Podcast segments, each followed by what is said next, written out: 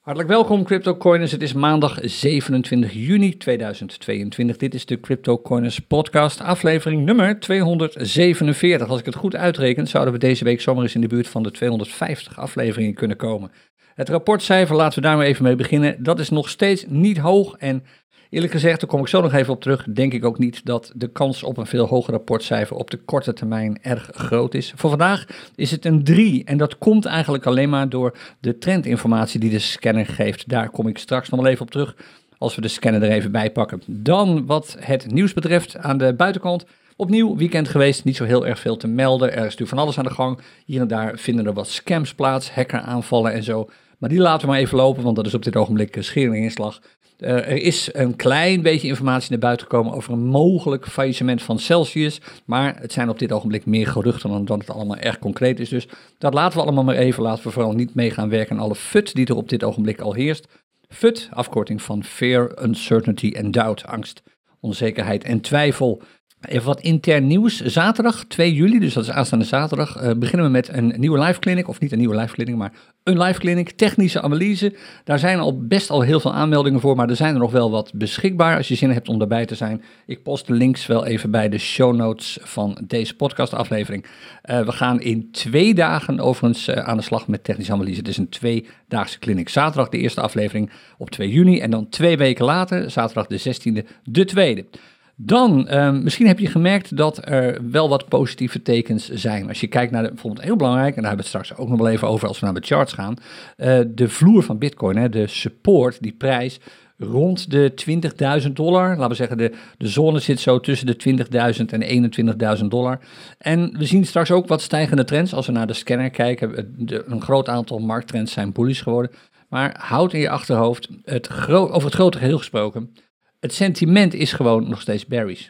Er wordt nog steeds op elk slecht nieuwsitem redelijk snel, redelijk paniekerig gereageerd. Dus ik reken nog steeds, en dit zal ongetwijfeld wat duimpjes naar beneden opleveren, maar ik zeg eigenlijk liever altijd eerlijk wat ik meen dan dat ik ga voor de views. Het, um, de kans op grotere dalingen, met name verrassende snelle dalingen, is gewoon nog steeds aanwezig. Dus als je uh, handelt op dit ogenblik, houd er alsjeblieft rekening mee. En als je investeert, dan zou je misschien gebruik kunnen maken van wat momenten om uit te stappen, een short positie te nemen, om vervolgens met winst weer in te stappen, vlak voordat zo'n prijs echt stopt met dalen. Dat kun je vaak zien aan, zoals we straks ook gaan zien trouwens, aan uh, indicators zoals de CryptoCoiners wolkenkrabber. Die pakken we er straks nog wel even bij. Het enige wat ik zo even wilde zeggen is, het ziet er van eigenlijk best goed uit op dit ogenblik. Ik wil niet zeggen fantastisch, maar best goed uit. We hebben een relatief stabiele bitcoinprijs op dit ogenblik tussen de 20 en 21.000 dollar. Is natuurlijk, laten we eerlijk zijn, nog steeds een fractie van wat hij ooit was. We hebben ooit bijna op de 70.000 gestaan. Maar hij is nog niet gedaald naar uh, niveaus van rond de 8, 9, 10 of 13.000 dollar. En nogmaals, ik zeg niet dat het moet gebeuren, maar als het gebeurt, wees dan alsjeblieft niet verrast. We zijn nog niet uit dit sentiment weg en dat kan best nog een hele tijd duren. Ik heb het niet zo met termen als crypto-winter en dergelijke, maar we weten allemaal het sentiment op dit ogenblik, de gevoelens die mensen hebben over geld, de gevoelens die mensen hebben over hun eigen financiële toekomst en dus ook de gevoelens die mensen hebben over hun beleggingen en over crypto, zijn op dit ogenblik gewoon niet positief. Het zegt helemaal niks over Bitcoin. Het zegt helemaal niks over een groot aantal andere cryptomunten. Want daar is fundamenteel gewoon echt helemaal niks mee aan de hand. Het heeft alles te maken met hoe mensen op dit ogenblik kijken naar die fundamentele waarden. En dat is wat je op de markten ziet. Dat is wat je op de charts ziet. De dingen die je op charts ziet gebeuren, prijzen die worden betaald, prijzen die worden gevraagd, zijn niets anders dan een weergave van wat mensen vinden van de fundamentele waarden, niet van die fundamentele waarden zelf. Daar is echt in heel veel gevallen niets mis mee. Oké, dan een uh, opmerking van, of een vraag eigenlijk, van Roger. Die kwam binnen via onze website cryptocorners.nl, de podcastpagina. En uh, Roger schreef, hallo, ik ben een beginnend trader en ik luister altijd naar de podcast. Nu heb ik toch een vraag. Hoe kun je de bijna verticale prijsdrops van een paar procenten binnen enkele minuten die ook nog eens exact gelijktijdig bijna alle coins tegelijk treffen, bijvoorbeeld een drop als zaterdagmorgen rond kwart voor negen, dat was waarschijnlijk vorige week, verklaren. En het antwoord is, uh, Roger, als je bedoelt, hoe komt het dat opeens bijna alles zakt? Dat heeft vaak te maken opnieuw met een extreem angstig marktsentiment en paniekreacties op dit ogenblik. Het is eigenlijk altijd zo dat uh, veel mensen uh, orders hebben klaarstaan dat bij een bepaalde daling er wordt verkocht om een zogenaamde short positie te nemen. Dat kan een reden ervoor zijn. Wat ook kan gebeuren is dat bij, met name bij veel volume, als er uh, coins zijn waar veel volume op zit, dat er margin trades plaatsvinden, leverage trades, hefboom trades, die, omdat de prijs opeens snel daalt, via een zogenaamde market order door een handelsplatform worden geliquideerd. En dat zijn dingen uh, die kunnen opeens dergelijke rechte candles naar beneden, grote, lange dalende candles, paniek ontstaan. Over het algemeen herstelt die paniek zich best wel snel weer. Daar kun je onder andere om te kijken of dat herstel daadwerkelijk komt of is begonnen, kun je onder andere gebruik maken van die wolkenkrabber. En die pakken we er straks even bij als we naar uit mijn hoofd de weekchart gaan kijken van Bitcoin. Als ik je vraag niet helemaal helder heb beantwoord, Roger, aarzel niet en uh, stel dan nog even een aanvullende vraag, bijvoorbeeld op onze CryptoCoiners website. Dan, en daarvoor gaan we nu even naar beeld. En als je nu meekijkt op YouTube, dan zie je nu ook uh, in beeld wat ik je wil laten zien. Dat geldt ook als je overigens hier live bij bent bij de CryptoCoiners podcast opname. Nogmaals hartelijk welkom. Dit is de Gridbot trade die op dit ogenblik loopt op Binance. Die zijn we echt lang geleden gestart, op 14 eh, april, inmiddels 2,5 maand geleden. En die Gridbot trade is dus een trade waarbij ik van tevoren heb besloten om op een bepaald punt in te stappen. Ik heb toen BNB gekocht.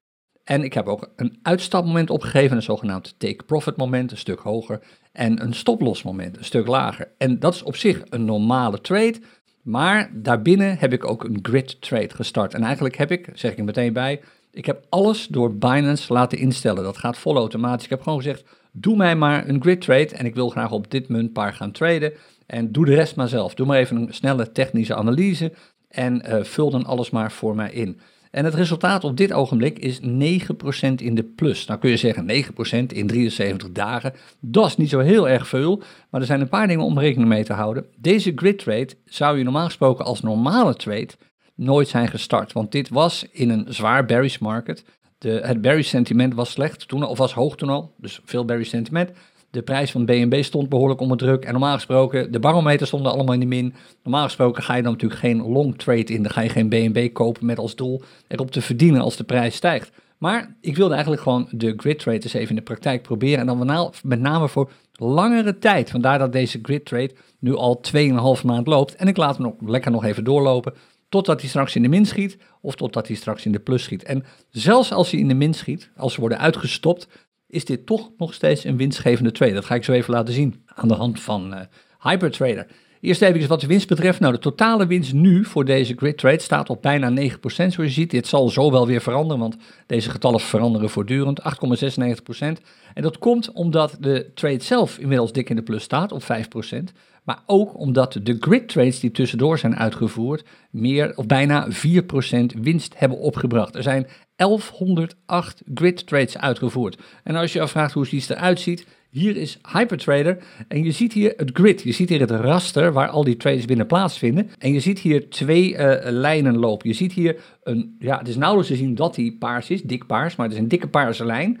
Dit is de, het punt eigenlijk waarop we zijn ingestapt. Min of meer het break-even punt. En hieronder zie je nog een paarslijn, deze stippellijn. Dit is het uitgerekende break-even punt door Hypertrader. Want je zou dit kunnen zien als een enorm aantal yo-yo trades die steeds zijn uitgevoerd. Dus binnen de trade wordt er voortdurend weer getrade, gekocht en verkocht. En dat kun je met name zien als ik de chart even wat uitrek.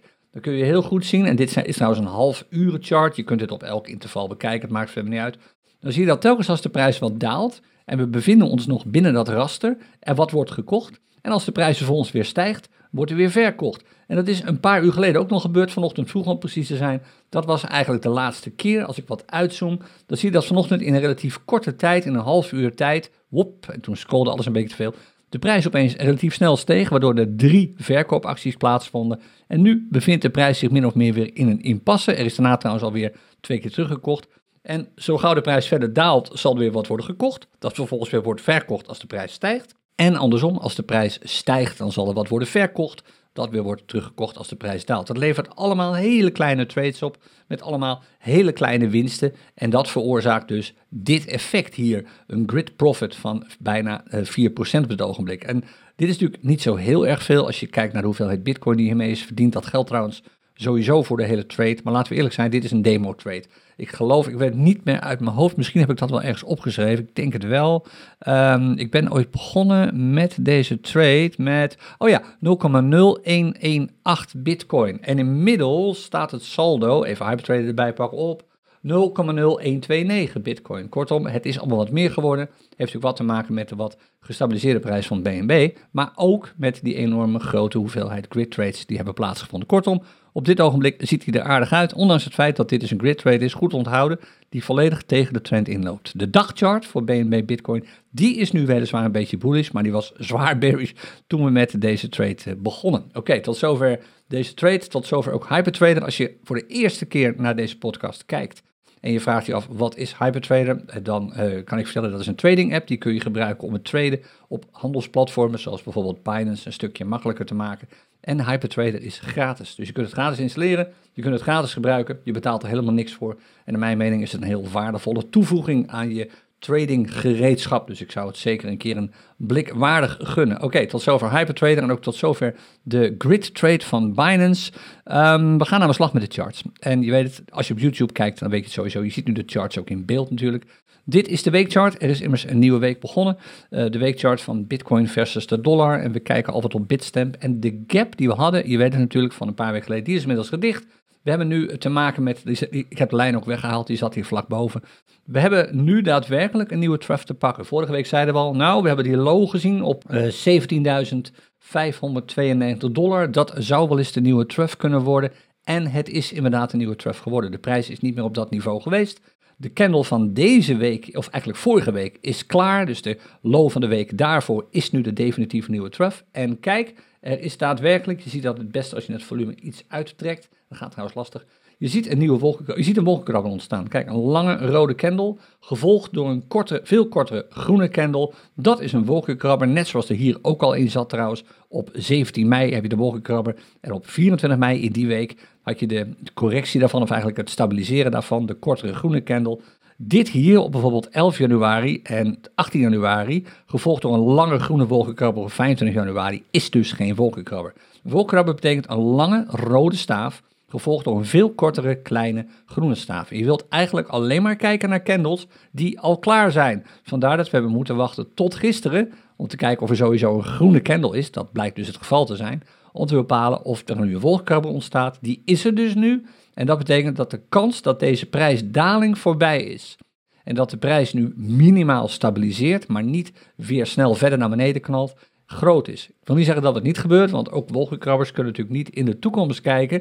Maar het is wel een belangrijk signaal om rekening mee te houden. Het zou kunnen dat we inderdaad nu ook op de weekchart gaan stabiliseren. En dat is wel nodig ook. Sterker nog, eigenlijk willen we een kleine stijging zien op de weekchart. En de reden is, sommige analisten hadden hem al gespot, al een paar weken geleden trouwens, de MA200. Je weet het, we pakken er vaak wat MA-lijnen bij, met name op de korte charts, de urenchart, om te kijken hoe het er met de trend uitziet. Maar een belangrijke trend indicator die veel wordt gebruikt om te kijken hoe het over de grote lijn gaat, is de MA200. En dat is het voortschrijdend gemiddelde van de laatste 200 weeksluitprijzen op deze chart. En die MA200 heb ik hier ook bij staan, maar hij staat eigenlijk altijd uit. Alleen, ik zet hem nu even aan, want er is nu toch wel iets interessants te zien. En dat is niet per definitie heel positief. De prijs van Bitcoin staat namelijk nu, nu al twee candles op rij sluit hij onder de MA200. Vorige, twee weken geleden zou je nog kunnen zeggen, nou, dit zou een eenmalig iets kunnen zijn geweest. Maar nu, en daarom noem ik hem nu ook even, nu wordt het wel structureel. Kijk, de prijs is nu al twee candles op rij onder de MA200 gesloten. Dat is geen goed teken. Het betekent dat een stabiele support, een stabiele vloer, die die MA200 eigenlijk altijd geeft, is vervangen, of eigenlijk vrij snel wordt vervangen, zeker als dit nog één of twee candles duurt, door een sterk plafond. Waarbij het dus betekent dat de prijs het moeilijk vindt om door die MA200 heen te breken. En nog iets, nu op dit ogenblik, en ik zal de chart even iets uitzoomen, dan kun je het wat beter zien. Nu loopt die MA20, MA200 sorry, loopt nog omhoog.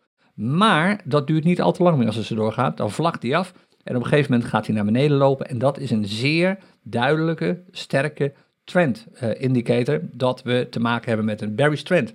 Wat we natuurlijk sowieso al zien op deze weekchart. Maar wat dan ook nog eens door de MA200 wordt bevestigd. Dat is nooit goed. En moet je kijken hoe ver we terug moeten gaan in de geschiedenis. Voor de laatste keer dat de prijs echt dook onder de MA200. Dat was in december, heel even zo, december 2018, moet gaan, 3,5 jaar geleden. En daarvoor is het eigenlijk heel lang niet gebeurd. De laatste keer dat ik het me herinner was, echt ik geloof in 2015 of zo, dat we er even onder zaten. Maar echt, ehm, eh, wat we nu zien, dat hij er zo sterk onderduikt, dat is niet echt prettig. We willen snel boven die MA200 komen. Het laat overigens, nogmaals naar mijn mening, niets zien over Bitcoin zelf, over de kwaliteit van Bitcoin, over, over de kwaliteit van de Bitcoin blockchain, noem maar op en zo. Nee, het laat zien hoe ongelooflijk veel paniek er op dit ogenblik in de markt heerst. Dat er zomaar een enorme prijsdaling zal kunnen komen, is natuurlijk voor, een, voor honderden miljoenen is hier geliquideerd aan Bitcoin. Doordat mensen hadden geleend om Bitcoin te kopen. En dat moest allemaal worden terugbetaald.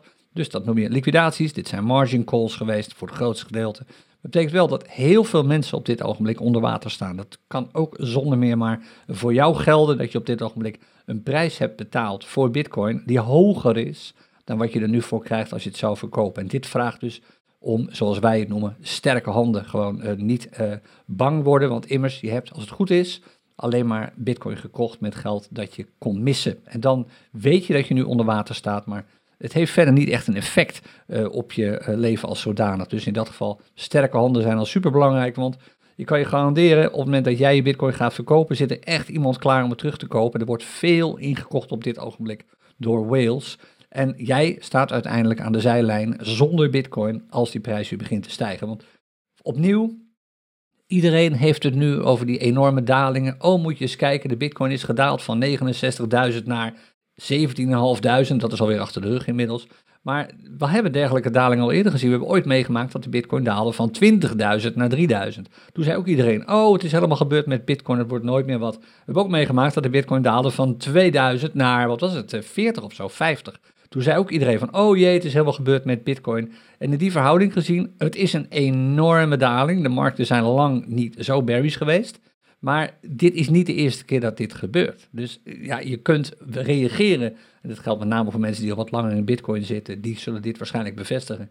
Je kunt reageren zoals heel veel mensen reageren. Ik ga nu verkopen, want het wordt nooit meer wat. Je kunt ook bij jezelf denken: ik sta onder water, maar ik heb dit gedaan met geld dat ik kan missen. Ik zit deze race gewoon rustig uit, want tot nu toe is het altijd weer hersteld. En met Bitcoin zelf is niks aan de hand. Met de markten is op dit ogenblik aan, wat aan de hand. Zoals we zo meteen wel weer zullen zien als we de Fear and Greed Index erbij pakken. Oké, tot zover de Bitcoin weekchart. Voordat we naar de dagchart uh, gaan, even snel, waar let ik op? Nou, natuurlijk op die doorkruising. Uh, als de prijs door die MA200 heen schiet, dat vind ik interessant om te zien. Dat is een bullish signaal. Zeker als de prijs erboven sluit. En ik hou natuurlijk ook in de gaten of de prijs eronder blijft en hoe ver dat gebeurt. Natuurlijk, die piek aan de bovenkant, nou, daar zitten we wel heel ver vanaf. Ik denk niet dat dat de nieuwe piek blijft. Ik denk dat we tussendoor nog wel een nieuwe piek gaan zien. De prijs komt, we hebben een swing high dan te pakken, komt een keer op een bepaald niveau, bijvoorbeeld in de buurt van die uh, huidige MA200 en duikt dan weer. Dat zou dan een swing high zijn, oftewel een nieuwe piek. En dan hebben we een lagere piek opnieuw. Dan gaan we opnieuw op zoek naar een nieuwe trough. Dan weer een nieuwe piek. Je weet hoe het spelletje werkt. Dus uiteindelijk is dit wel een keer een target, die 32.375, die we eind mei hebben gezien. Maar het is niet definitief de target waar je op wilt focussen. Er zullen ongetwijfeld lagere nieuwe targets komen. Dan de dagchart nog even van Bitcoin. Uh, daar is niet zo heel erg veel over te vertellen. We hebben een nieuwe piek, daar zijn we op weg naartoe. Want we hebben natuurlijk die trough gezien vorige week al. Of sterker nog, dat is al tien dagen geleden, negen dagen geleden. Op 18 eh, juni.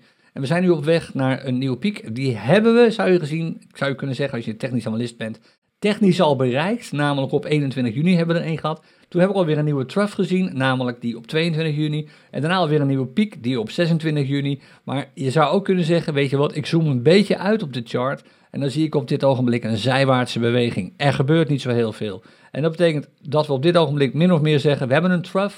We zijn nog steeds op weg naar een nieuwe piek. Of op weg naar een nieuwe trough. Dan hadden we de piek te pakken, namelijk die van gisteren.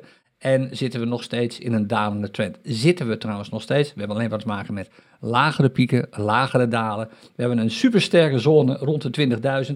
Op dit ogenblik zelfs boven de 21.000. Maar die zone ligt, naar mijn mening, ongeveer op de 20.500 plus en min 1000.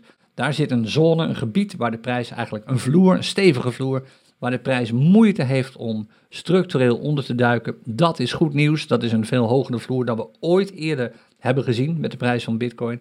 Bitcoin zelf berries op basis van de normale standaard peaks en troughs indicators. Maar er zijn een paar dingen die bullish zijn geworden. Onder andere de parabolic stop and reverse, die is nu bullish. Dat zeiden we vorige week ook al. Dat duurt waarschijnlijk niet meer zo lang. Die is nu bullish geworden.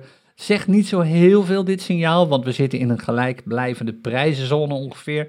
En alleen bij parabolische dalingen heeft dit daadwerkelijk een signaalwaarde, die parabolic stop and reverse. Dan zeg je van ja, hier is de trend duidelijk berries. Nu kun je zeggen, ja, de trend is nu bullish volgens de, peaks, uh, de, de parabolic stop and reverse. Maar dat telt dus eigenlijk niet, want nogmaals, de prijs is zijwaarts. Dat ding heet niet voor niks parabolic stop and reverse. Meer over die parabolic stop and reverse natuurlijk aanstaande zaterdag in de technische analyse clinic. Oké, tot zover de dagchart. De, de unbalanced volume indicator was al even bullish. Is het eigenlijk nu min of meer uh, wel weer? Min of meer zijwaarts op het ogenblik. Volume is natuurlijk wat afgenomen, dat komt door het weekend. Ik ben benieuwd of we deze week ook weer zo'n piek gaan zien, zoals we bijvoorbeeld vorige week hebben gezien. Of de week daarvoor, 15 juni, voor, de donderdag de week daarvoor. Dat zou mooi zijn, dat zou nieuw bloed in de markt uh, pompen. Op dit ogenblik, het is maar afwachten. Je ziet eerder dalend volume dan stijgend volume. Laten we eerlijk zijn. De urenchart pak ik er niet bij, dat doen we morgen wel weer. Oh, het kan zijn dat de podcast morgen een stuk later is. Dat die pas in de loop van de middag komt. Dus als er morgen vragen over komen, waar blijft de podcast? Kun jij antwoorden? Die komt waarschijnlijk pas in de loop van de middag. Uh, dan doen we de urenchart. De weekcharts doen we, van, doen vandaag. Dus ook de weekchart van uh, Ether er even bij. En voor Ether geldt hetzelfde natuurlijk. Als, uh, of eigenlijk min of meer hetzelfde patroon als voor Bitcoin geldt. We zitten in een bearish markt op dit ogenblik. We hebben een nieuwe trough te pakken. Dat is die trough van de week van, wat was het, de week van 13 juni. Definitief nu de nieuwe trough geworden. We zijn op weg naar een nieuwe piek dus nu. We hebben een bullish signaal gekregen. Klein, maar toch van de unbalanced volume indicator. De chart blijft verder gewoon heel erg bearish. En ook hier zou je even kunnen kijken naar die MA200. Is die dan bij Ether ook gedoken? En het antwoord is ja en nee. De prijs is eronder geweest zoals je ziet. Uh, twee weken geleden, de week van 13 juni, is de prijs gesloten onder de MA200. Maar, ik moet zelf echt even uitzoomen om te kijken. Hij is er net opgesloten zo te zien vorige week. En nu staat hij er zelfs op dit ogenblik, maar deze candle telt nog niet boven. Dus dit ziet er allemaal iets minder zwaar uit dan bij Bitcoin op het ogenblik. Bij Bitcoin zit de prijs echt onder de MA200. Bij Ether zit hij erop. Dus het is wel een belangrijke lijn om in de gaten te houden. Duikt daar prijs daar structureel onder, dan kan het opnieuw hard gaan. Een paar dingen die je hier in de gaten wilt houden. Als de prijs deze week sluit onder de MA200 en ook nog eens zou sluiten onder die trough die we hebben gezien van 880, de vorige trough, dan kan het opeens echt rap gaan. Dan hebben we, is dit niet eens de nieuwe trough. Dan krijgen we een, nog veel lagere trough. En dan zou je zomaar moeten denken aan prijsniveaus die ongeveer hier zitten. Zo rond de 600 dollar. Dit is de laatste, eh, de laatste echt meetbare support die we hebben gezien. Uh, anderhalf jaar geleden in november, december 2020. De weg is dan dus, zoals ik ook vorige week volgens mij al zei, vrij naar beneden. En dan moet je rekening houden op een prijsniveau van rond de 600 dollar. Het is naar mijn mening nog steeds een realistisch prijsniveau, omdat we gewoon nog steeds in een bearish markt zitten en je weet hoe het dan kan gaan. Dan de dagchart van Ether, ook daar is eigenlijk hetzelfde patroon als bij Bitcoin. Je ziet hier ook een min of meer zijwaartse beweging ontstaan. Je zou kunnen zeggen, we hebben gisteren een piek bereikt. Je ziet een klein, als ik hem iets uitvergroot, kun je het wat beter zien nog. Je ziet hier een swing high. Je ziet hier op 26 juni een high die hoger is dan de high eh, van de dag ervoor en de dag erna, 1281 dollar. Maar dit zou je ook kunnen zien, moet je iets meer inlevingsvermogen hebben dan bij Bitcoin. Je zou dit kunnen zien als een zijwaartse beweging. Maar ik snap elke technisch analist die zegt van, hé, hey, we hebben een hogere piek en een hoger dal. We zitten in een bullish trend op dit ogenblik voor de dagchart. Het wordt bevestigd door de parabolic stop and reverse. We zitten wat de, uh, de Keltner channels betreft inmiddels in neutraal gebied. De bullish trend is begonnen. Ik wacht het nog even een paar dagen af voordat ik het ook zeg. Want ik wil met name veel meer volume zien. Kijk, je ziet een licht stijgende prijs met een afnemend volume. Die signalen conflicteren met elkaar. Er is minder interesse om te handelen en toch stijgt de prijs. Dat is normaal gesproken niet hoe het spelletje werkt. Dus ik reken op dit ogenblik nog eerder op wat dalingen dan op wat stijgingen wat de dagchart van Ether betreft. Maar zo gauw de prijs daadwerkelijk boven die bovenste band van de Kelton Channels komt, en daar is niet zo heel veel voor nodig. We zitten nu op de 1230 dollar zowat. De, de bovenste band van de Kelton Channels zit op 1422, is niet zo heel veel. Dat is een absoluut signaal dat het uh, momentum op de dagchart van Ether bullish wordt. En de, de urencharts die we vandaag niet bespreken, die laten zien dat dat nog vrij ver weg is. De prijzen vlakken daar ook wat uh, af op dit ogenblik. Daar hebben we het morgen wel even over. Want de goudprijs nog steeds, oh, ik krijg een witte chart te zien. De goudprijs ook nog steeds berries. we hebben een kleine opleving gezien, maar we zitten nog steeds met lagere troughs en lagere pieken. Zoals je ziet, hier is de laatste piek van 13 juni. De volgende piek is van 16 juni. We hebben nu misschien alweer een piek te pakken. Deze ook weer lager dan de vorige. Oftewel, nog steeds een berries goudprijs. En dat zegt meer dan genoeg. Hè? De mensen, of, investeerders stappen op dit ogenblik niet eens in goud, omdat ze vinden dat het rendement dat ze ermee halen, en ook op in de toekomst mee zullen gaan halen, veel lager is dan de enorme rente die ze betalen. En de inflatie, de waardevermindering van hun geld.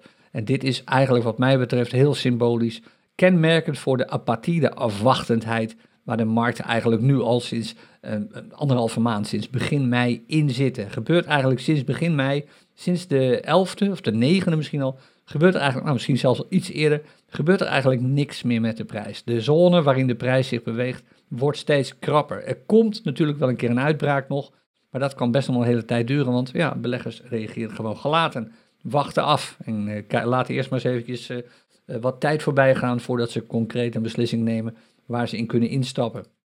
We zien een beetje terug in de Fear and Greed Index op Wall Street.